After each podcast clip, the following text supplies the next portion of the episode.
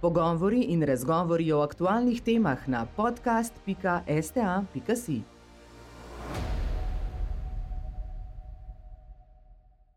Spoštovane in spoštovani, lepo pozdravljeni v današnjem virtualnem pogovoru, ki ga Slovenska tiskovna agencija pripravlja v okviru projekta STA Znanost. Današnji spletni pogovor smo naslovili Meje držav, meje sobivanja. V času, ko se šengensko območje širi po vsej Evropi in so meje za evropske državljane, recimo, vse bolj formalnost, se lahko pogosto zdi, da gre pri tem za nek naraven, linearen proces iz zaprtih, vse bolj odprte države, in ta predstava ni nujno osnovana na resnični podobi odnosov med skupnostmi na dveh straneh meje, pri čemer območje Alpe-Jadran služi kot odličen primer. Polpretekla zgodovina odnosov na tem območju od konca druge svetovne vojne dalje priča o sodelovanju in sobivanju v času globalnih hladnovojnih delitev, ki lahko še posebej v današnjem času služijo kot izhodišče za temeljit razmislek. In prav o tem bomo danes spregovorili z mojimi spoštovanimi sogovorniki. Veseli me, da so si v svojem urniku vzeli uro časa tudi za ta pogovor. Lepo pozdravljeni, doktorica Urška Strle, zgodovinarka in predavateljica na Filozofski fakulteti Univerze v Ljubljani, doktor Jure Ramšak, zgodovinar in raziskovalec Znanstveno-raziskovalnega središča v Kopru, in pa doktor Borut Klabjan, zgodovinar in znanstveni svetnik, prav tako ZRC Koper. In začnimo, doktor Klabjan, pri vas. Vi ste namreč eden izmed treh slovenskih prejemnikov projekta Advanced Grant Evropskega raziskovalnega sveta, ERC, in obenem tudi edini, ki je pridobil projekt z področja družboslovja in humanistike. Gre za projekt Open Borders, ob katerem ste izpostavili, doktor Klabjan, da boste z njim spomnili domačo in mednarodno javnost, da je obstajal nek čas in prostor, kot je bilo območje Alpe-Jadran v času hladne vojne, ko so države in družbe posamezniki, sosedje med sebojno uspeli sodelovati na vkljub različnim političnim, vojaškim, gospodarskim in družbenim modelom. Spomin na tisti čas je danes še bolj pomemben, izjemno aktualna tematika v obdobju, ko se v družbi bolj išče možnosti za ločevanje kot sodelovanje. Doktor Klabjan, bi se strinjali? No, hvala lepa za povabilo. Prav gotovo se strinjam in to je prav potreba ki izhaja iz današnjega časa. Zato vsaka družba eh, razmišlja o svoji, eh, v svojem kontekstu, o svoji preteklosti, ne samo o svoji prihodnosti in sedanjosti. In zato je prav iz potrebe današnjega časa nastal tale projekt. Tako da um, zgleda, da v bistvu že kar hitro pozabljamo to, kako smo uspeli v nekem um, obdobju hladne vojne, ko je Evropa bila nekako deljena na vzhod in zahod. Prav tale primer Alpe-Jadran, te družbe, tega prostora med vzhodno Italijo, južno Avstrijo, zahodno Jugoslavijo oziroma Slovenijo in Hrvaško predstavlja eno tako paradigmatičen primer, ki nam govori o tem, da govoriti o deljeni Evropi v času hladne vojne, kot jo v bistvu vidimo danes, kot nam jo pokažejo, če glede na to, da na njo gledamo predvsem iz nekega um, nemško-centričnega um, gledišča, in kjer se dejansko pokaže ta slika. Če gremo, seveda, z nekega berlinskega zornega kota gledati na zgodovino Evrope, je seveda uh, ločitev, uh, zid, uh, psi, uh, straže in um, še vse to, kar spada zraven, uh, pa ne samo tam.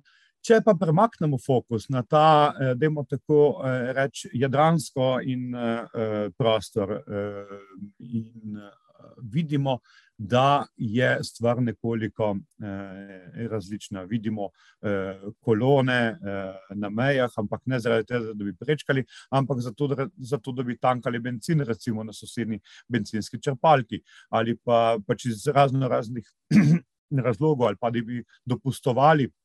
V eh, sosednji eh, državi, ali bi, da bi tam nakupovali. Skratka, en kupenih drugih primerov, ki nas eh, spominja, nas opozarja na to, kot ste pravilno izpostavili na začetku, da je obstajal čas, da je obstajal prostor, kjer, bila, uh, kjer so bile te meje v Evropi v času delitve hladne vojne dosti bolj zabrisane. In zato se tudi naša ideja o preteklosti Evrope pač nekoliko bolj zabrisane in ni tako omejujoča in utesnjujoča, kot nam jo mogoče prikazujejo danes.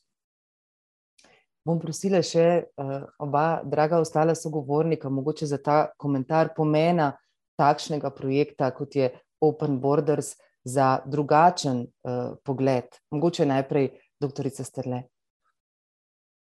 Pa mikrofon, lepo prosim. Ja, hvala. Lepo pozdravljeni tudi z moje strani.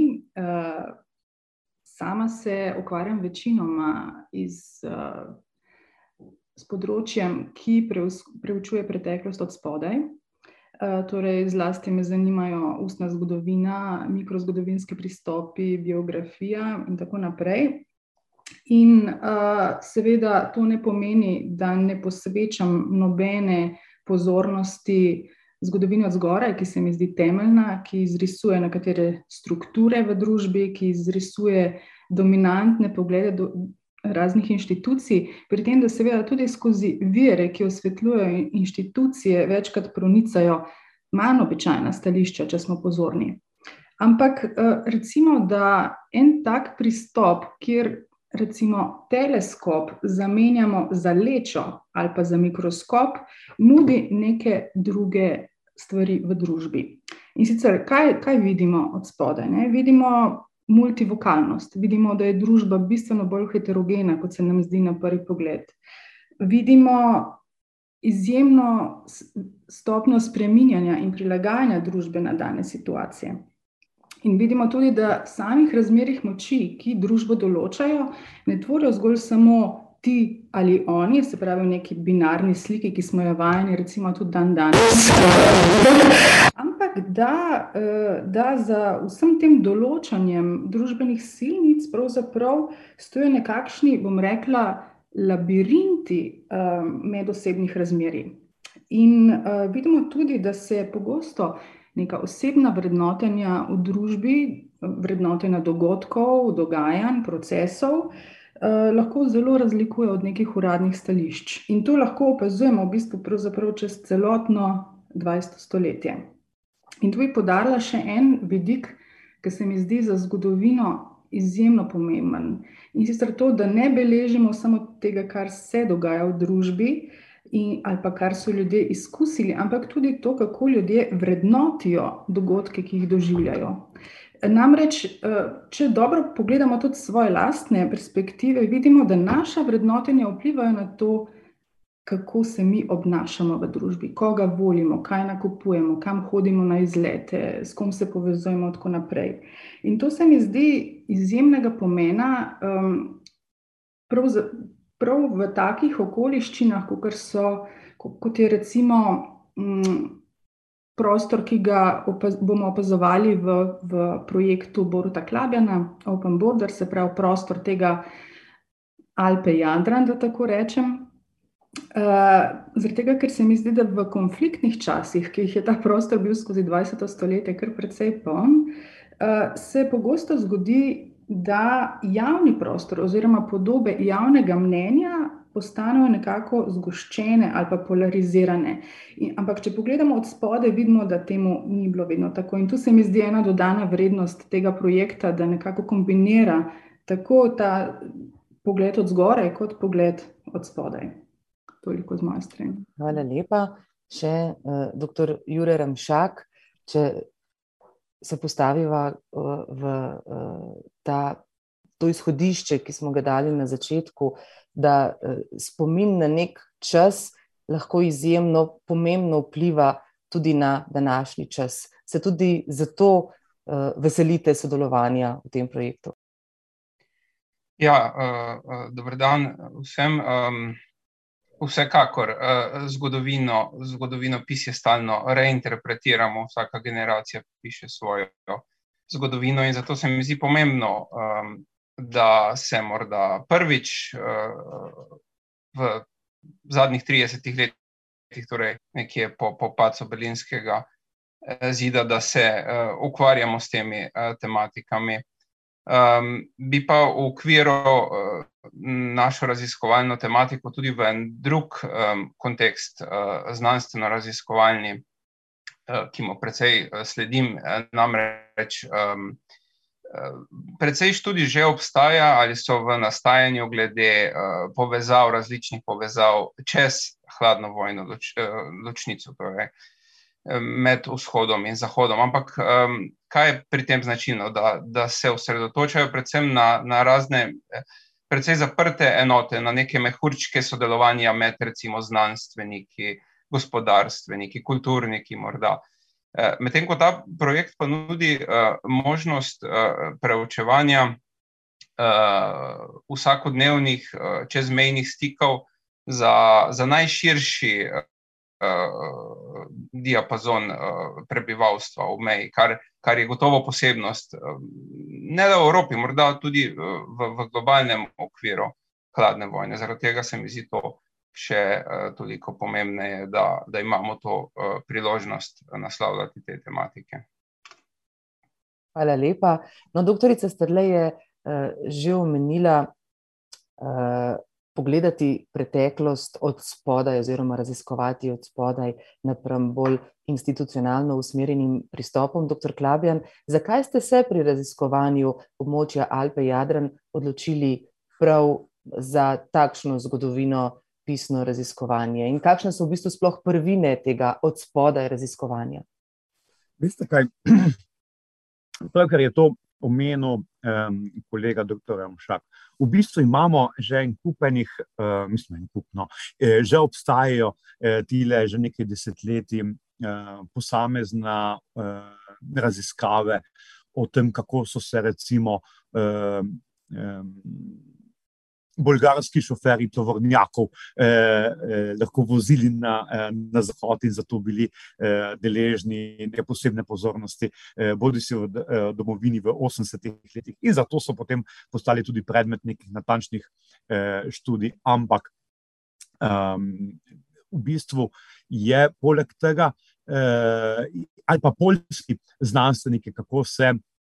Uh, kako sodelujejo z, z um, Eh, francoskimi v času hladne vojne. Skratka, že obstajajo taki, um, taki, take, take študije. Ampak kako je bila čezmejnost del vsakdana eh, lokalnega prebivalstva, ki ne pomeni samo, samo v bistvu obmejnega pasu, pomislimo na eh, cel kup ljudi, ki je eh, iz cele Slovenije ali pa Hrvaške eh, na eni strani, ali pa iz Furlanija, Julijske krajine in Veneta na drugi, ali pa iz eh, Koroške, Štajerske, eh, v bistvu eh, postopoma razumevalo ta prostor kot integriran prostor v smislu nekega možnosti vsakdanjega prečkanja meje in čezmejnega sodelovanja, kar je bistveno različno od nekega posameznika, ki se pa zaradi slu svojih službenih eh, obveznosti,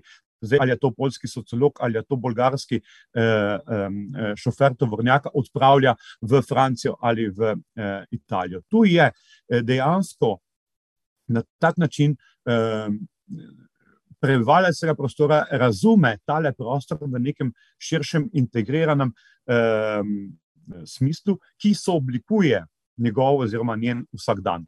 No, in uh, prav zaradi tega je nujno potrebno, da, uh, zato, da, razum, da razumemo te družbe, da analiziramo ne samo recimo, poročila posameznih generalnih konzulov, poročila posameznih um, zunanjih ministrov, um, poročila tega in onega um, um, gospodarskega tašeja, ampak seveda, da kako te njihove. Um, Te njihove pripombe, te njihove, te njihove misli vplivajo na vsakdan ljudi. In to je, mislim, tisti najbolj pomemben, tudi metodološki eh, pomen, ki ga eh, pač nudi tale projekt, ampak ki ga hkrati potrebujemo kot družba, zato da razumemo, kako posamezne politike učinkujejo na naše na naše življenje. In zakaj to, zakaj to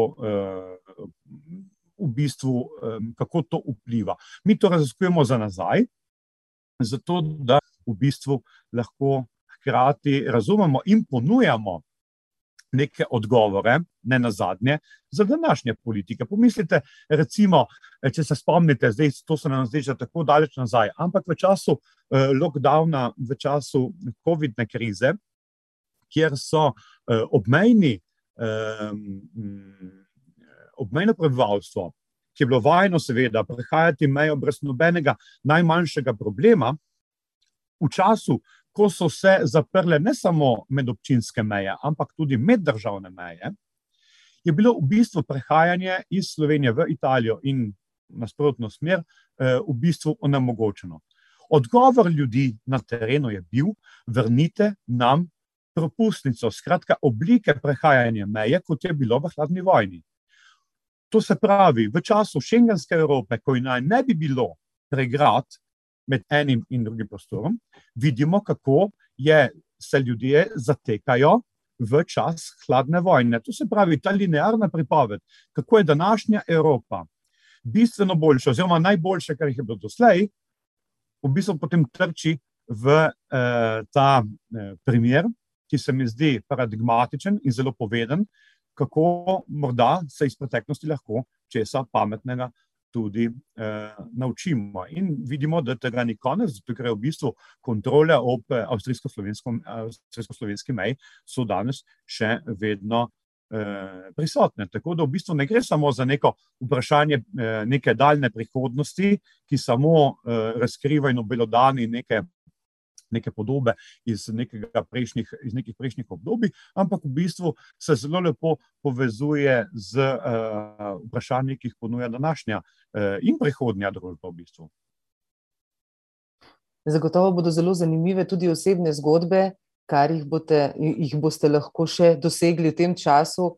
Uh, bili bi pa verjetno še bolj veseli, kolikor bi tak projekt dobili 20 let nazaj, kjer bi lahko še več zgodb poživo poslušali uh, in slišali med viri svojega raziskovanja. No, ja, to po eni strani je nedvomno res, po drugi strani pa recimo ne bi imeli uh, teh, uh, teh zgodb, ki jih imamo danes, recimo o uh, kako migrantska vprašanja vpliva na, uh, na uh, razumevanje meje.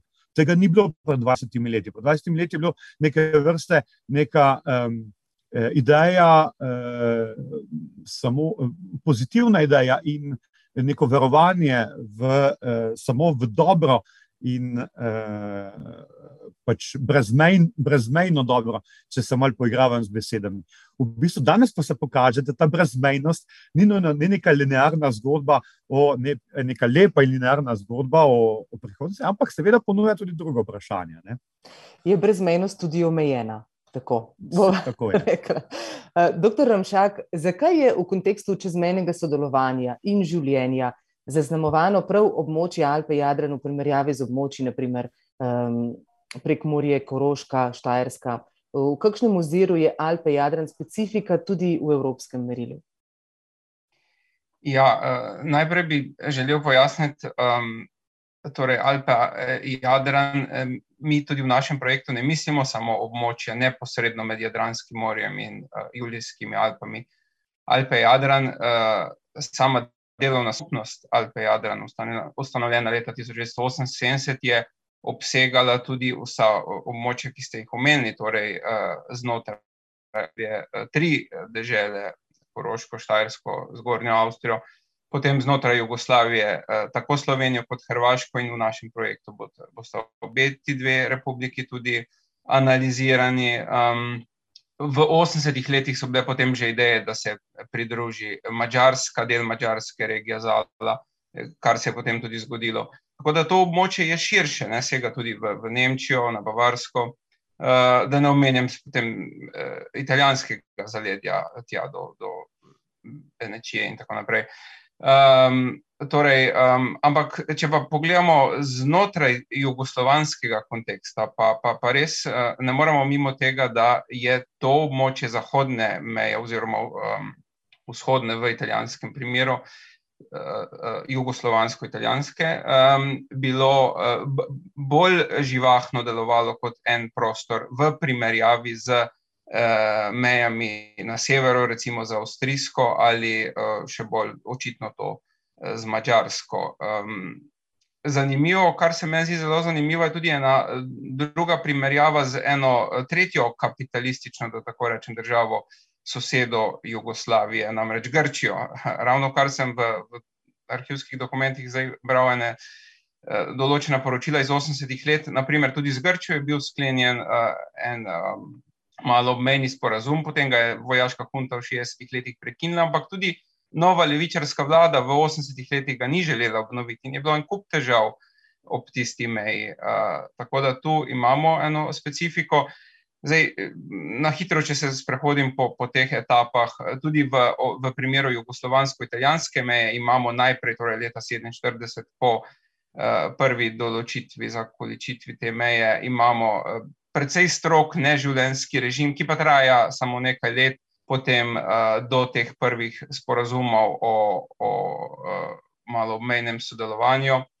Potem verjetno ključna, ključna etapa, ključen dogodek je sporazum iz leta tisoč devetsto dvainšestdeset o osebnem prometu ljudi, ki, ki potem tudi je vzrok oziroma omogoči masovno prehajanje meja, propustnice in tako naprej, torej celoten ta fenomen, ki, ki ga danes poznamo kot, kot malo obmejni promet.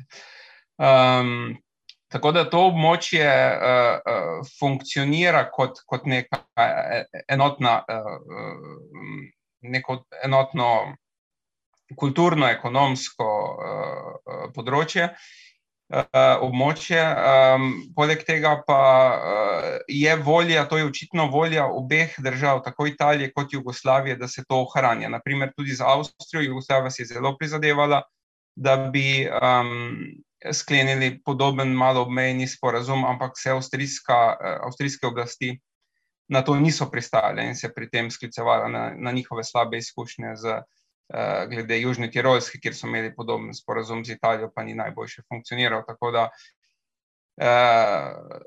na, na tej, glede jugoslovansko-italijanske meje je volja z obeh strani, tako iz Beograda, kot tudi iz Ljubljane na republiškem nivoju, kjer precej Slovencev, slovenskih strokovnjakov sodeluje pri, pri raznih komisijah in tako naprej, saj o tem bomo verjetno še več kasneje govorili. In um, potem tudi v kontekstu uh, helsinškega procesa, ki je uh, v znano Evropi, torej konferenca Evropske varnosti in sodelovanju, uh, katerega ideja glavna je bila, da se meje um, dokončno ustalijo, da se kodificirajo, da so nespremenljive, ampak da potem, ko se enkrat, ko so zakoličene, da pa eh, naj se uveljavi sodelovanje čezmejno. Kot vemo, to se ni zgodilo, doktor Klaben je že opisal par primerov, torej med vzhodom in zahodom eh, ostanejo meje dokaj hermetično zaprte, medtem ko ta meja, eh, torej jugoslovansko-italijanska, pa se v tem kontekstu helsinškega procesa potem začne pojavljati, opisovati kot najbolj odprta meja v Evropi, kar potem traja potem tudi vse do, do konca, do, do, do propada Jugoslavije, se te zadeve bistveno ne spremenijo. Tako da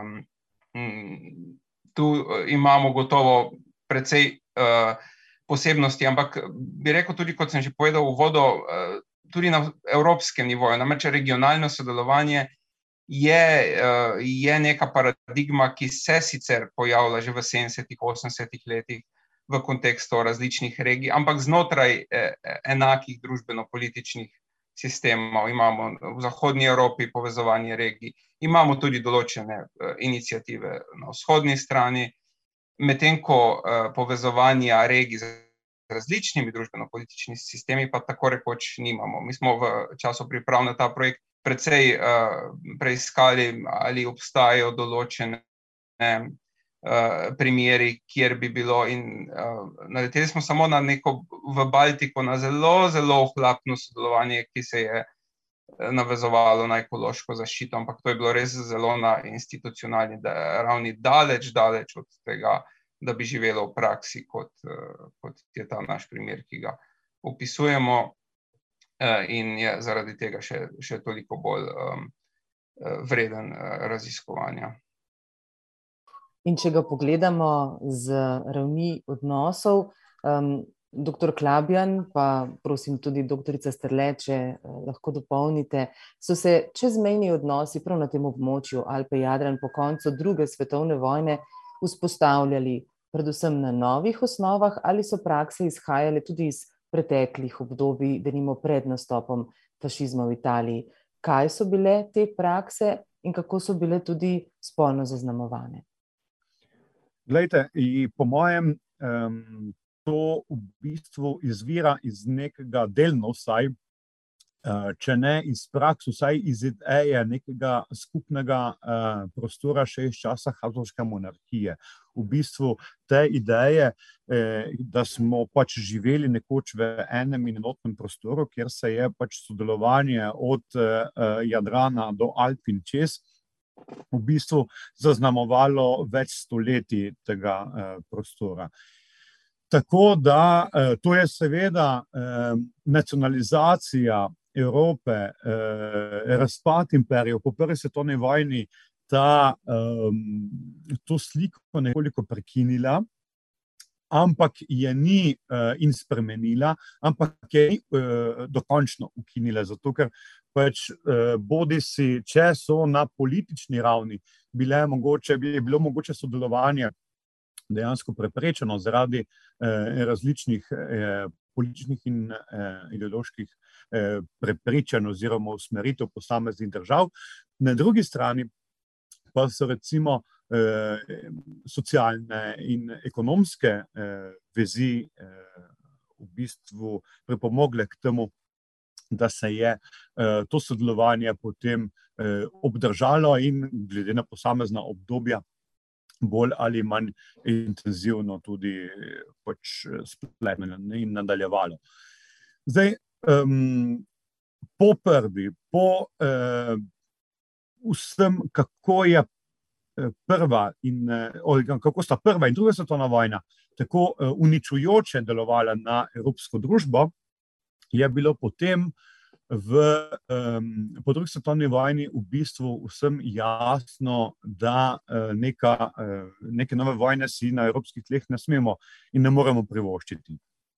In zdaj uh, je pač opcija sta bili dve, ali popolna uh, delitev in uh, pač hermetična razdelitev, ali pa skušati dobiti neko, uh, neko, neko, neko um, možnost sobivanja, ki je eh, pač v tem prostoru, prav naslanjajoč se na idejo prejšnjega prostora, nekega eh, znotraj Habsburške monarhije, privedlo verjetno tudi do tega, da so bili ti stiki eh, pač nujno potrebni, zato ker je konc koncev po eni strani to zahtevalo prebivalstvo, po drugi strani to omogočila politika. In prav tukaj se nekako najdejo tisti tisti uh, interesi, hkrati tista potreba, uh, da uh, tudi mi po, uh, ta uh, fenomen preučujemo iz uh, dveh uh, smeri.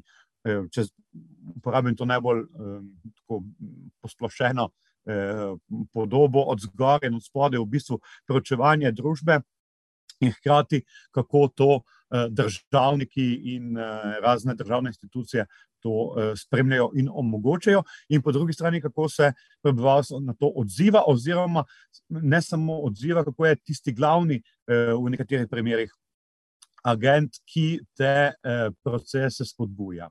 No, in tukaj se mi zdi, da je to ne glede na politične režime in ne glede na časovna obdobja, ta pretok v tem prostoru dejansko vse skozi prisoten. Hvala lepa, doktorica Strle. No, jaz bi se gotovo strinjala z obema mojima predhodnikoma, da neke politične realnosti do neke mere vedno določajo oblike mobilnosti ali pa čezmejnih prehodov, ampak tega ne bi razumela v absolutnem smislu. In tudi se strinjam z dr. Ramšakom, da, ta, da so bili ti prehodi pravzaprav um, različni, podvrženi različnim stopnjam nadzorovanja skozi čas. Ne, tako v začetku zelo togo, ampak tudi v začetku ne, povsem absolutno neprehodni.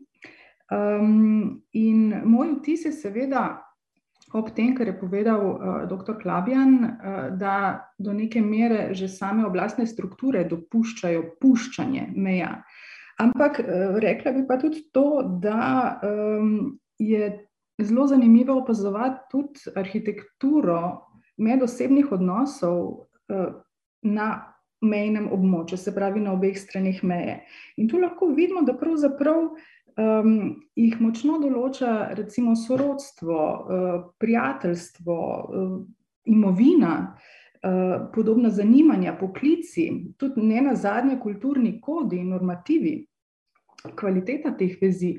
Kot vemo, so bile meje ponavadi začrtane zelo neživljensko. In recimo se je zgodilo, da je po drugi svetovni vojni meja v Mirnu šla čez pokopališče in da je bil nekdo pokopan z glavo v uh, Italiji in z nogami v, v Jugoslaviji, ali pa nekje je šla meja čez hlev. Ne? Vidimo, da je tu pravzaprav na tej čist kapilarni ravni, um, so zadeve bile zelo nepremišljene ali pa do, krivične do prebivalstva. In v tem oziru um, se mi zdi, da ravno te. Ti opazovanje teh struktur, medosebnih struktur, do, v bistvu dokazujejo, da se prakse čezmen, da prakse čezmenega sodelovanja prečijo neke zelo grobe delitve, ki pač potekajo lahko na politični, nacionalni ali pa tudi ponekod drugo, tudi na verskih ravneh. Um, in mislim, da je, recimo, uh, glede na vaše vprašanje, ne, v kolikšni meri so te prakse bile že pred fašizmom, recimo, prisotne, se mi zdi, da je treba razumeti tudi to, da v perspektivi posameznika oziroma teh osnovnih gradnikov družbe, kot so posameznik ali pa družina, eh, vidimo, da je na delu neka drugačna periodizacija, neko drugačno razumevanje časa, kot je prihaja od zgora, iz strani državnih struktur in da. Pogosto ljudje, seveda, so določeni z, z vojnami, s krizami, to, jih, to vse, vse ljudi nesporno določa, ampak da hkrati ljudje močno razumejo tudi čas skozi prizmo nekih osebnih ali pa družinskih struktur, kdaj se je rodil otrok, kdaj so se poročili, kdaj je nekdo umrl, kakšne so bile kvalitete vezi s staro mamo in tako naprej. Jaz vem, da moja eh, zgodba je tudi malce vezana na ta zahodni omeni prostor um, in se spomnim, kako je moja nona iz Tolmina vedno hodila po kavo, ker je bil to pač uh, po kavo v Italijo, uh, jugoslovanska kava ni bila tako fina in tudi riž ne, tako da je zmerno kupovala te razne. Uh, razne drobnarije, oziroma veliko špeže, da tako rečem, kot je sama rekla, je nakupovala v Gorici. Um, in seveda, m, kaj bi še rekla, v tem oziru, no, definitivno se mi zdi, uh, da ravno pogled od spodaj ponuja, ponavljam se zopet, nek tak svež pogled. In tu bomo seveda še kar precej uh, mogli um, raziskovati uh, to obmejno področje in ostajati odprti za najrazličnejše poglede. In mene pač ta vidik izjemno zanima, ta kapilarni. Mm -hmm govorimo o zelo osebnih zgodbah. Uh, govorite, um, ko ste omenili, meja je šla čez hlev eh, v Goriških brdih, mislim, da je ta primer. Um, tudi sama izhajam iz tega območja in recimo crkljansko maslo je bilo izjemno zaželjeno v, v italijanskem delu Gorice in to so odnosi, ki so se spletli. Uh, Na pokopališču so v pomembnih priložnostih nosili vrtnice iz Gorice, ker se jih na tem območju ni dobilo. To so tako um, žlahtne zgodbe, ki jih samo tak pogled lahko uh, prinese. Verjetno se boste strinjali. Ja, ampak seveda, uh, recimo, Meni je bilo zelo uh, zanimivo odkrivati tudi arhivsko gradivo, recimo iz časa po prvi svetovni vojni, ko je zopet meja zarezala zelo neživljensko na neko področje, ki je bilo prej stoletja povezano, rapalska meja. In tam je bilo recimo uh, je možnost v uh, obmejnih okrožjih, kot sta Logatec in Radovlica, najti zelo zanimive zahtevke ljudi za možnost prehoda meje, ki je bila tudi na nek način zelo nadzorovana, zaradi tega, ker so imeli zdravnike v drugem kraju, šole v drugem kraju, ker so imeli posestva v drugi državi, pravzaprav, ker so študirali recimo ljudje iz notranjske so bili zelo močno locirani proti reki, ker jim je bila ta bliže. Ne? In uh, pravzaprav je ce, cela serija raznih uh, družbenih dejavnikov vezana uh, na to um, vsakodnevno, um, vsakodnevno preživljanje časa in opravljanje dožnosti, kar je meja močno zarezala. In tu so ljudje vse skozi iskali načine, da te meje prečijo. In seveda tu je treba razumeti, da so te meje prečili ne samo na legalen način, ampak tudi na, na ilegalen način. In da je tudi uh, ilegalnost in tihotapstvo, ki je bilo absolutno v obeh povojnih dobah izjemno močno. Ne samo zaradi tega, ker so meje zarezali, ampak tudi, ker je bila ekonomska situacija po vojnah izjemno slaba, so nekako močno vplivali na to obmejno dinamiko. Tako da tu je nekaj drobcev, ampak vsekakor uh, jaz se nadejam, da bomo našli še kakšne druge no, tekom raziskave. Tihotapstvo so tako lepše opisali kot eh, kontra, kontrabantizem, in se mi zdi, da je dobilo to še eno drugačno vlogo, potem z lepšim izrazom. Doktor Klavjan, ste ja, jaz bili mikrofon. Zadevo, zadevo glede teh drobcev. Veste, tega imamo, to sta nekaj, ste že omenili, zelo, eh, zelo takih uh, slikovitih in uh, včasih celo uh, nekaj duhovitih uh, pripovedi imamo iz vseh teh uh, zgodb. Hkrati bi rad eh, opozoril na to, da če doslej smo imeli recimo ta pogled, kako so eh, recimo iz nekega jugoslovanskega, skratka vzhodnega prostora eh, iskali dobrine eh, konzumizma na zahodu in to se slavno od, od kavbojk do bambol v Gorici in tako naprej in tako naprej. In to je ta podoba ki se sklada s to idejo, da zdaj smo rešili vzhod eh, v času pač, eh, po pacu eh, socializma in pač ponudili možnost in seveda svobodo, da lahko vse te dobrine, lahko ti bogi vzhodnjaki dobijo tudi doma. No, meni se zdi zanimivo, pa znotraj tega pač ustaljenega, eh, klišejskega eh, pač te slike, dobiti pa druge drobce z nasprotne strani, kako so dejansko iz italijanske ali pa avstrijske strani hodili kupovati meso, maslo in kaj sem še, eh, še marsikaj drugega na vzhodno. Jugoslovansko stran, zato ker je bilo to pač ceneje, boljše, bolj domače in kaj sem še kaj. Skratka, ta pogled, eh, da so tankali, recimo v Jugoslaviji, zato je bil eh, benzin eh, cenejši, ker se sicer vse skozi ponavlja, vse do danes. Da se recimo hodili v jugoslovanski kino gledati francoske filme Novega vala v 60-ih letih, recimo, zato ker bil, so bili ti filmi, zato ker so bili seveda pohujšljivi v Italiji, prepovedani in tam je veljala cenzura v tistih 60-ih letih. Skratka, ne gre za enosmeren pogled iz vzhoda proti zahodu, ampak ta projekt želi dodatno tudi nekako pospremiti oziroma ponuditi nek, neko drugačno eh, sliko in opozoriti, da ne gre za enosmerno eh, prenašanje in eh, da ne gre za enosmerni pretok, ampak je to boste bolj eh, kompleksno in barvito, če, te, če tako rečemo. Dejansko za odnos, ne, kjer je eh, vedno vsaka stran nekaj da in vsaka stran nekaj podari. Tako, za odnos, tako. ne samo za enosmerno komunikacijo. Um, doktor Ramšak, kaj je vplivalo na dinamiko takrat med državnimi institucijami in skupnostmi, med katere je, kot smo danes omenili, uh, veliko krat zelo neživljensko zarezala meja, pred in potem, ko so se politični odnosi tekom 60-ih stabilizirali in kakšno vlogo uh, lahko poveste, so pri tem igrale uradne institucije narodnih manjšin? Ja, uh, zdaj, verjetno se na tej točki zopet moram vrniti na meddržavne odnose med Italijo in Jugoslavijo, ki so se po tistem sporazumu o še vedno začasni meji Sebine 50 iz leta 1954 ampak vendarle že uh, uh, dokaj dokončni, če lahko tako rečem.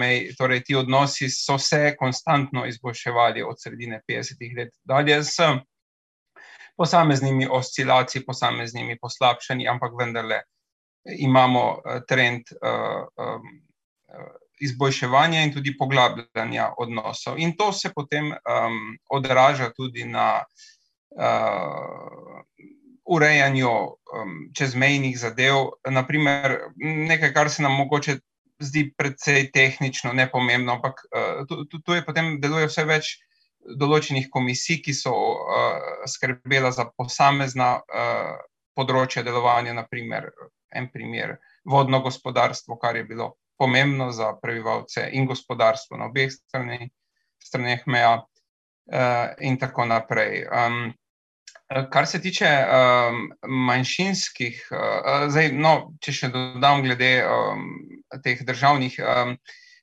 to je tudi zanimivo opazovati, kakšno vlogo, kakšen interes so imele lokalne oblasti ali republiške, v slovenskem primeru, uh, uh, vizavi centralnih ali v primeru Italije, uh, regionalne ali pokrajinske.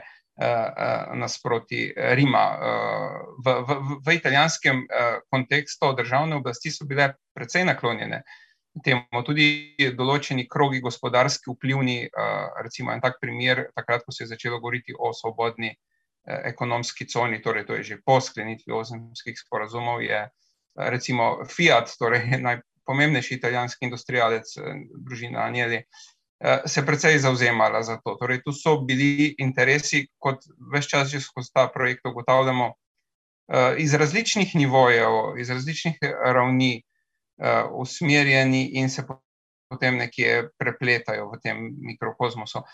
Um, glede, glede manjšinskih institucij, prav tako gre usporedno s tem um, najprej o tajnim in potem se boljše, boljšimi odnosi med državami, tudi manjšinske institucije eh, pridobivajo na svoji, eh, svojem, svojemu pomenu.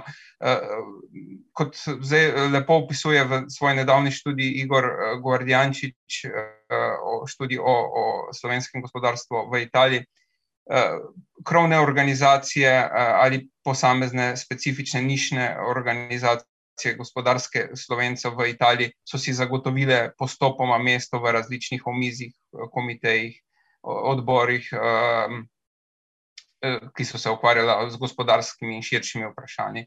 Ampak morda je še bolj pomembno ta neformalni ali pa polformalni del eh, sodelovanja manjšin, manjšinskih institucij. Namreč, eh, če govorim o, o gospodarskem področju, s katerim se nekoliko več ukvarjam, um, ta, ta čezmejna trgovina je bila kanalizirana prav skozi te, eh, te polformalne, recimo, eh, subjekte, v, ki, ki, so, ki jih je ustanovila manjšina, ki so nastopali v imenu eh, manjšine. Recimo, Državska kreditna banka je bila en tak tipični primer, ki si je pridobila poseben, poseben status tudi znotraj. Italije, tako imenovane banke, agenta, in potem je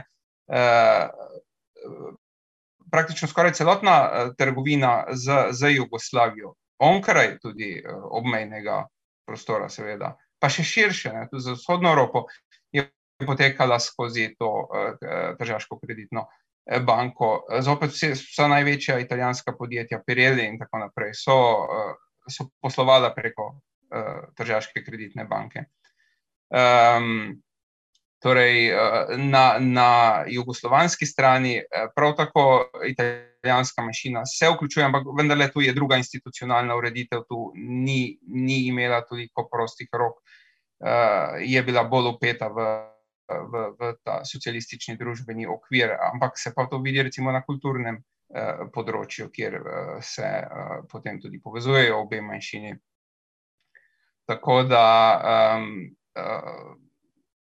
vso to, vsa ta infrastruktura potrebna. In prej na začetku sem že omenil, precej slovencev, torej aktivnih v, v, v, v, v republiških institucijah, ki so se ukvarjali z, z mednarodnimi odnosi. Um, Ali z, tudi na drugih področjih, ekonomskem in tako naprej, naravovarstvenem, je, je sodelovalo pri teh procesih, in, in uh, tudi potem, kasneje, poznali nekateri slovenski mednarodni pravniki, in tako naprej, so se prav skozi ta primer uh, urejanja uh, čezmejnih odnosov nekako kalili in, in, in, in, in uh, uporabljali, konceptualizirali ta. Ta stik, kot tudi nekakšno slovensko okno v, v svet, ki je bilo, kot je že omenil dr. Kabjan, um, imelo precej širšega pomena, tudi za samo Jugoslavijo, zdaj prej Urška eh, je omenjala kavo in tako naprej. Eh, spet se zelo lepo vidi, če primerjamo z mikroperspektive ali pa makroperspektive v 80-ih letih, eh, v času težav z uvozom naftnih derivatov in tako naprej, je, je celotna Jugoslavija koristila te posebne aranžmaje trgovine po, po tržaškem sporazumu za uvoz eh, najnujnejših praktično sorovin. Eh, torej, nekje 20 odstotkov celotne trgovine med Italijo in Jugoslavijo je bilo realizirano prav prek teh posebnih malo obmejnih eh, sporazumov in potem so, so, so, so tudi državna torej podjetja, ki so imela sedež v drugih delih Jugoslavije, ustanavljala svoje podružnice in tako naprej v obmejnem prostoru, da so prek njih lahko kanalizirali uh, te, te, torej to naj, najnujnejšo tudi uh, trgovino. Um, morda toliko za enkrat. Uh, mogoče malce za šalo, za vmes, uh, ker smo ravno v zimskem času med nujne stvari, ki smo jih čez mejo nesli, so tudi mandarine bile takrat. Tako da, verjetno se boste strinjali, predvsem se bo doktorica Strle, sploh glede na to, odkje iz, izvira. Eh, zdaj pa m, vprašanje, ker prehitro beži čas in se res že veselim, da mi poveste, kdaj lahko pričakujemo, mogoče že kakšno prvo delo iz projekta, um, da preberemo. Uh, ta drug pogled, ta uh, veselim se v bistvu tega pogleda, ker ti prinaša neko svežino in globino. In na kakšne vire, vrste virov se boste opirali pri raziskovanju, kako seveda bo tudi časovna dimenzija vplivala na izbiro virov. Omenila sem že, nekateri viri eh, izginjajo, verjetno se kateri na novo pojavljajo. Eh, mogoče doktorica Strleče začneva uh, midve z vašim pogledom iz mikroskopa. Um, torej, moram povedati, da me zanima vse le en širši nabor virov, ki se ukvarja z, v, v bistvu, ki osvetljuje to obmejno pod, pod, področje, ker me pravzaprav z nekim vnaprej zastavljenim načrtom uh, si lahko naredimo raziskovalci kar precej škode. Tako da pravzaprav. Eh, mene zanimajo zlasti perspektive, bolj kot, kot to, da bi se želela nekako um, omejiti na same vere. In tu bi mogoče bom več pozornosti posvečala ustno-zgodovinski perspektivi, uh, tudi raznim, raznim možnostim uh, študija ego dokumentov oziroma osebnih zapuščin, uh, zlasti um, korespondence, zapiske, dnevnike, okolikor bom kaj dobila, vizuali. Zelo me zanima ta dinamika, uh, oziroma kako se izrisuje ta dinamika obmejnega življenja, obmejnega vsakdana skozi literaturo, literarna dela, skozi film. Uh, definitivno pa me pa bom, bom tudi posegla arhi, na arhivsko gradivo, časopisno gradivo, ker se mi zdi, da tudi to je en um, način, ki lahko dopolni eno tako heterogeno sliko obmejnega življenja.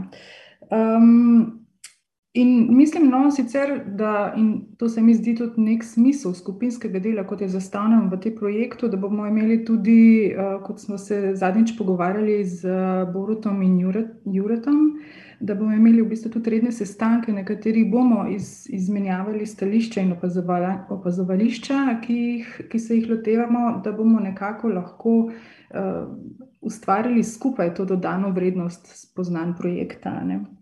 Uh, Je pa moja velika želja, da bi lahko v bistvu naredila tudi kakšno uh, študijo z mikrozgodovinsko ambicijo, ukolikor bom lahko naletela. In mislim, da to uh, ob uh, stikih z ljudmi, ki jih nameravam intervjuvati, in, niti ne bo tako težko. Um, zdaj. Eh, tu bi rada opozorila tudi na eno dejstvo, ki se v zadnjih desetletjih kar močno uh, pojavlja, in to je sicer, da so ljudje začeli spoznavati pomen osebnih zapuščin. Uh, to se je zlasti pokazalo ob stoletnici Prve svetovne vojne, ko so muzeji na veliko uh, nekako pozivali ljudi naj svoje osebne zapuščine iz, izpod streši ali kleti izročijo muzejem. In se mi zdi, da je to nekako um, pospešilo tudi to, da ljudje se zavedajo pomena lastnih spominov, lastnih doživeti uh, za rekonstrukcijo preteklosti.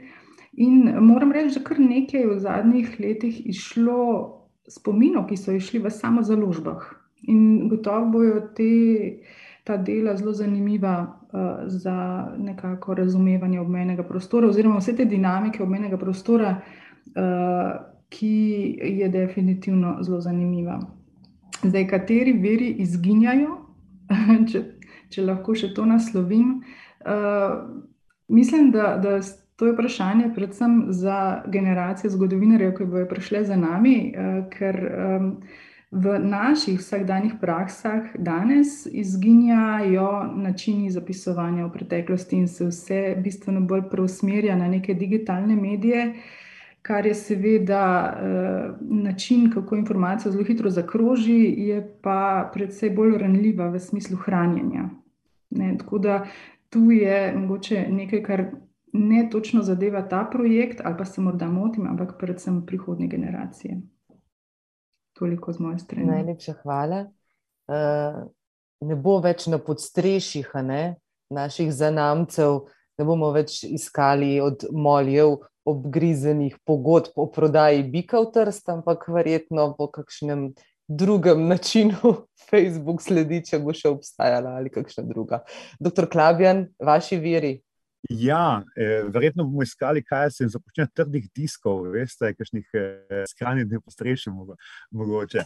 Jaz bi rad, gledajte, jaz bi rad opozoril, da to noče biti neka zgodovina za poslušalce, da ne bi napačno razumeli, neka nova zgodovina obmejnega eh, prostora, ampak In tu mislim, da je dodana vrednost zato, zato da je projekt pomemben ne samo za nas, ampak v bistvu za širšo evropsko eh, publiko, za svetovno dejansko, zato ker je bila pač Evropa epicenter hladne vojne na zadnje. Zato je ta projekt pomemben na širši svetovni ravni, zato ker prek tega obmejnega eh, reč, eh, dogajanja želimo ponuditi neko drugačno razumevanje zgodovine Evrope in hladne vojne. Zato to je samo sredstvo, ki nam omogoča neke, neko širšo, neko širšo eh, analizo eh, preteklosti, pač svetovne preteklosti. V bistvu. Tako. In zato, da to počnemo, in zato, da to pri tem uspemo, je prav ta prepletenost različnih Eh, virov, od eh, diplomatskih eh, not posameznih zunanjega ministrstva, dopisovanja med raznimi uradniki znotraj ministrstva, od zunanjega, notranjega, kako urediti to čezmejnost, kako organizirati malobmejni promet. Skratka, vsa, vse te zadeve, seveda povezane z temi uh, mikropogledi od uh, osebnih uh, spominov, intervjujev z uh, ljudmi, ki so pač uh, ki na tem uh, območju živijo in to počnejo, z uh, kako to razumejo.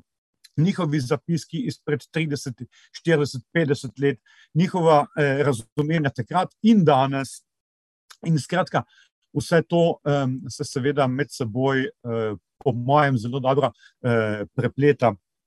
In nudi eno sliko, ki je večkrat, ki je bila doslej, recimo, parcialna, s tem pa želimo zapolniti ta uh, manjkost tudi s tem pristopom, ki naj bi pač omogočal en, en, širši, en širši pogled. In to, seveda, ne samo iz neke nacionalne perspektive, skratka, da bi se zamejili znotraj nekega slovenskega ali pa hrvaškega ali katerega koli eh, pač eh, nekega nacionalnega prostora želite, ampak z eh, to v najrazličnejših.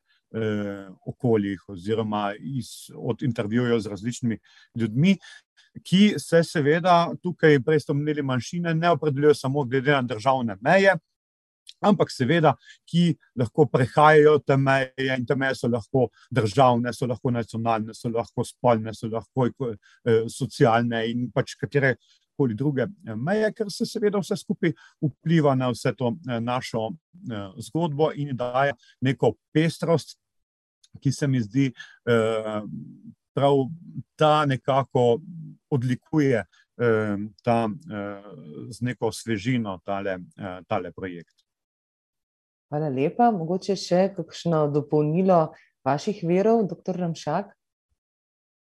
Ja, jaz bi k temu mogoče dodal samo, da strmimo v projektu k temu, da, da morda enak isti proces poskušamo svetiti tudi iz različnih perspektiv. Eh, pa to ne pomeni samo klasično, recimo eh, na podlagi enega arhiva iz ene države in druge države in tretje države, recimo v našem primeru. Ampak tudi, da bomo poskušali potem uh, poiskati te akterje na, na različnih področjih, uh, upraviti z njimi intervjuje, jih uh, soočiti, jih povprašati še po določenih uh, podrobnostih. Um, tudi skozi ta projekt uh, se, se nam nakazuje ena uh, odlična priložnost um, prepoznavanja in uh, raziskovanja dinamik med različnimi akterji in faktorji, centri odločanja, torej državnim centrom.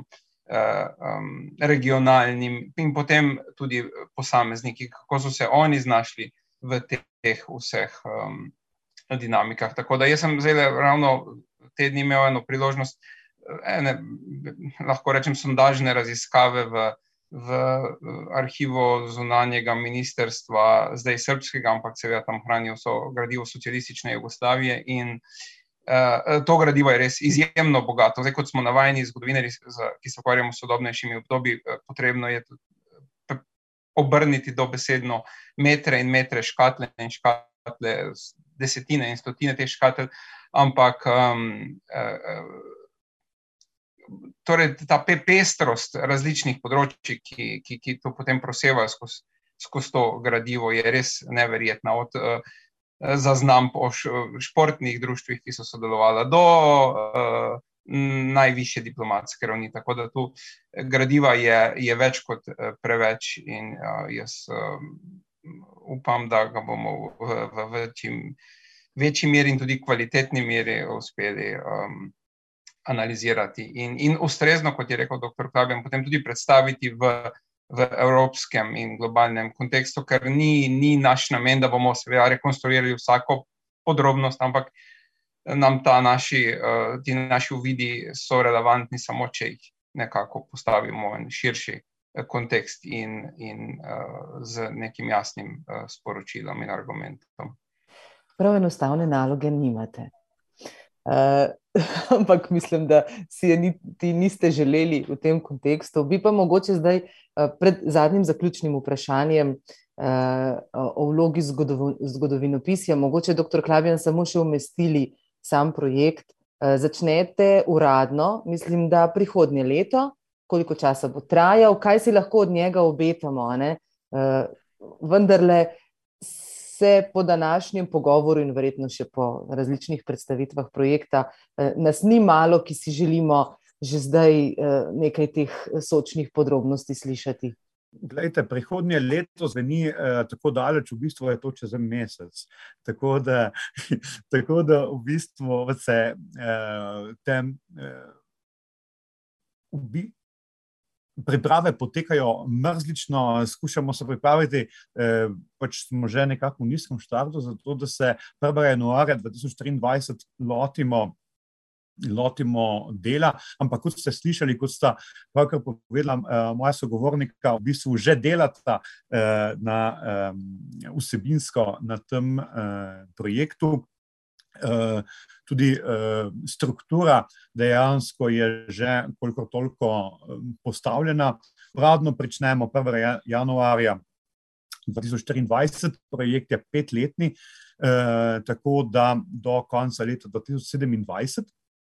V bistvu te raziskave že potekajo, koliko bo to potrebno, zato da pridemo do prvih rezultatov je pač odvisno od uh, posameznega, um, posameznega člana oziroma članice projektne skupine. Uh, vsega skupaj nas bo kakih deset približno. Tako da je kar eh, velika eh, skupina, ki prihaja, nekateri so iz hm, raziskovalcev na znanstveno-razpravljenem središču v Kopru, kjer se pač projekt tudi izvaja ampak drugi prihajajo iz drugih eh, slovenskih eh, olij, naprimer kolegica Strletova z eh, filozofsko fakulteto Univerze v Ljubljani, nekateri drugi iz Univerze v Pulju, druge iz Padove, tretji iz drugih italijanskih okolij, iz Avstrije, skratka, neka Eh, lepa mešanica um, že uveljavljenih uh, raziskovalcev, drugih pa še uveljavlja, uveljavljajočih se raziskovalk in raziskovalcev. Skratka, ena taka dinamična skupina, ki, je, uh, ki bo, verjamem, predstavila prve rezultate tam. Bodi si na konferencah, bodi si na takih strokovnih posvetih, hkrati pa ponujala in nudila te eh, odgovore na, na razne vprašanja tudi v nekem, eh, nekem, pač nekem širšem, eh, širši publiki in to prek razstav. Želimo se vključiti tudi v vso to pestro aktivnost, ki jo obeta, eh, ki obeta ta no, Nova Gorica in Gorica z Evropsko predstavnico kulture leta 2025, tako da si nadajamo z njimi stopiti, pač sodelovati, bodi si z njimi, bodi si z vsemi drugimi, ki bodo ki, bodo, eh, ki se bodo veselili našega sodelovanja, z nekaterimi imamo že vzpostavljene eh, stike, pravkar se vračam z, z, z, eh, iz Praga, kjer, sem, kjer se tudi zelo zanimajo za, za rezultate tega projekta. Z njimi bomo, bomo organizirali posvet z Univerzo v Berlinu. Skratka, to ponavljam, ne gre za neko za neko lokalistično eh, um, organiziran eh, projekt, ampak želi naslavljati neko, eh, neko širšo publiko, bodi si eh, strokovno, ampak tudi ne strokovno eh, publiko, kar ti, kaj ti skušamo ponujati nekaj eh, odgovore ali pa, ali pa odpirati nova vprašanja, ki niso neko eminentno ali pa izključno eh, namenjena neki strokovni, eh, znanstveni eh, publiki, ampak v bistvu, ki se tičejo, eh, ki se tičejo vseh nas. No, prav eh, tega se tudi ne dejamo. Zdaj le vas bom držala za besedo v prihodnosti, prav za ta zadnji stavek, da ne boste pustili v pozabo kakšno izmed zanimivih zgodb, na katero boste naleteli tekom raziskovanja eh, in jo uvrstili tudi na predstavitev, mogoče eh, v katero od publikacij ali pa preko katerega od sodelujočih projektov, s katerimi boste predstavljali se eh, tudi javnosti. No, zdaj pa res zadnje zaključno vprašanje. Seveda gremo čez uro, takrat, ko je pogovor zelo zanimiv. Um, Začniva mi dve, mogoče doktorica Strle, kako vidite vlogo zgodovinopisja v odnosu do splošno sprejetih narativov, kot so ti, ki jih naslavlja projekt, o katerem danes govorimo, Open Borders?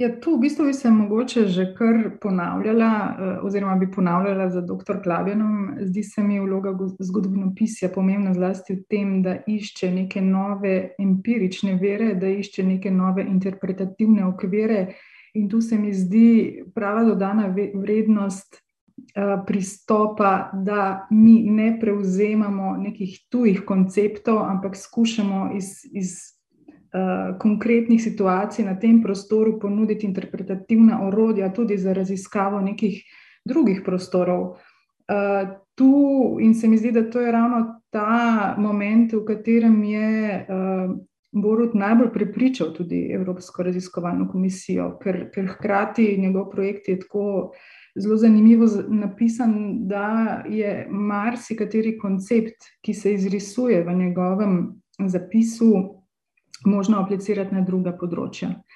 Um, sama bi tudi poudarila uh, diseminacijo uh, zgodovinopisnih uh, spoznanj. Uh, pogosto se mi zdi, da um, zgodovinari uh, teže zmoremo skomunicirati svoje spoznanja s širšo publiko, uh, in zdi se mi pomembno, da se zgradi ta most med akadem akademskimi spoznanji in uh, laično javnostjo, seveda, da ta spoznanja ne izgubljajo na nekih sporočilnostih ali pa pretiranih poenostavitvah, ampak se da marsikaj z zanimivimi pristopi, z dostopnim jezikom, z neko multi, kako bi rekla, z različnimi načini predstavitve, od razstav, dokumentarnih filmov, morda bomo videli, kaj vse se bo še porodilo in kakšne bojo sploh naše časovne in finančne možnosti predstaviti pravzaprav zgodovinsko snov. Tako da, to, glede na to, da smo že predvsej v zamiku časovnem in da imam tudi naprej neka tekanja, da bi mogoče se tukaj ustavila. Hvala lepa. Um, to diseminacijo je dr. Klabjan tudi obljubil, tako da vseh preko 200 poslušalcev in gledalcev je to slišalo, je pa tudi posneto. Dr. Ramšak, enako vprašanje, čisto za zaključek. Ja, morda res zelo na kratko. Uh, kot smo že povedali v vodo, torej uh, vloga zgodovinopisja je, da tudi interpretira, da provocira, če želite. In um, meni se zdi zelo zanimivo, potrebno, uh, um, da bomo s temi našimi raziskavami, z našimi razpravami lahko tudi preuprašali določene um, um, narative, ki so recimo po, v evropskem kontekstu po letu 89, pri nas pa morda po letu 91 zakorenjeni, torej, da se vse začne uh, s, tem, s tem časom in da tisto prej pač ni obstajalo. Kot kažejo te naše razprave, že danes je marsikaj tudi prej obstajalo, in, in to je uh, pomembno, mislim, da tudi onkraj uh, samega zgodovinopisja. Še doktor Eh, za zaključek, mogoče dr. Klabjan, še uh, vaš pogled na vlogo zgodovino pisja. Jaz bi se poleg tega vam zahvalil, da v bistvu eh, ste nam nudili možnost, da to vlogo, ki jo ima zgodovino pisja, v tem primeru, naš pač specifičnem primeru, naš, eh, naš projekt, ki, kot ste eh, omenili, izgleda, da že zdaj vzbuja precejšnje eh, zanimanje. Zato um, se mi zdi ena, eh, že zdaj se mi je porodila ideja, kako bi lahko z vami nadaljevali in v bistvu pripomogli, bodi si k nekemu eh, širjenju tega projekta in k eh, uveljavljanju zgodovinskih raziskav v eh, prostoru, tako da v sodelovanju z vami v prihodnje eh, uveljavimo te naše. Eh, rezultate naših raziskav tudi v širši eh, javnosti, in morda lahko nekaj takega, tukaj tudi na nekem eh, drugačnem eh, formatu, lahko ponudili tudi v, eh, v prihodnje. Kaj pravite? Jaz sem zelo za, ker mi je bil zelo všeč eh, današnji stavek eh, navduševanje, tudi mhm. doktor Mšak provociranje. To mhm. vedno prinese tudi dobre rezultate, če je na pravi argumentiran način. Um, zagotovo pa grajenje odnosa in mostu, ki ga je doktorica Strle omenila, ta most uh, zna, med znanostjo in širšo javnostjo, ker znanost je temu namenjena, ni sama sebi uh, namen, je namenjena tudi temu. Seveda, uh, poglobljenim, novim, svežim, v, v evropskim pogledom, ampak tudi ohranitev tistega, kar je v bistvu naš DNK to nas sestavlja. Doktorico Strle sestavlja kava iz Gorice, nas vse pa še kaj drugega. Pa tudi Goričane, bomo rekli, naše maslo. Uh, vesela sem, da ste si vzeli čas. Se upravičujem, ker smo šli deset minut čez uro, tudi vsem tistim preko 200, ki nas eh, gledate, ampak bilo je vredno. Hvala, ker ste nas navdušili in se zelo veselim, da nas boste navduševali še naprej. Uh, za danes vse dobro in obilo energije vam želim za delo v uh, naslednjem letu, ko se uradno, seveda, začne projekt, ampak mislim, da ste kakšen dan utrujeni od projekta že dan danes, ne samo potem po 1. januarju. Res obilo energije in se veselimo um, zgodb, pogledov, širine uh, in navduševanja za znanost tudi v prihodnje. Vse dobro in za danes, hvala lepa. Srečno! Pogovori in razgovori o aktualnih temah na podcast.sta.si.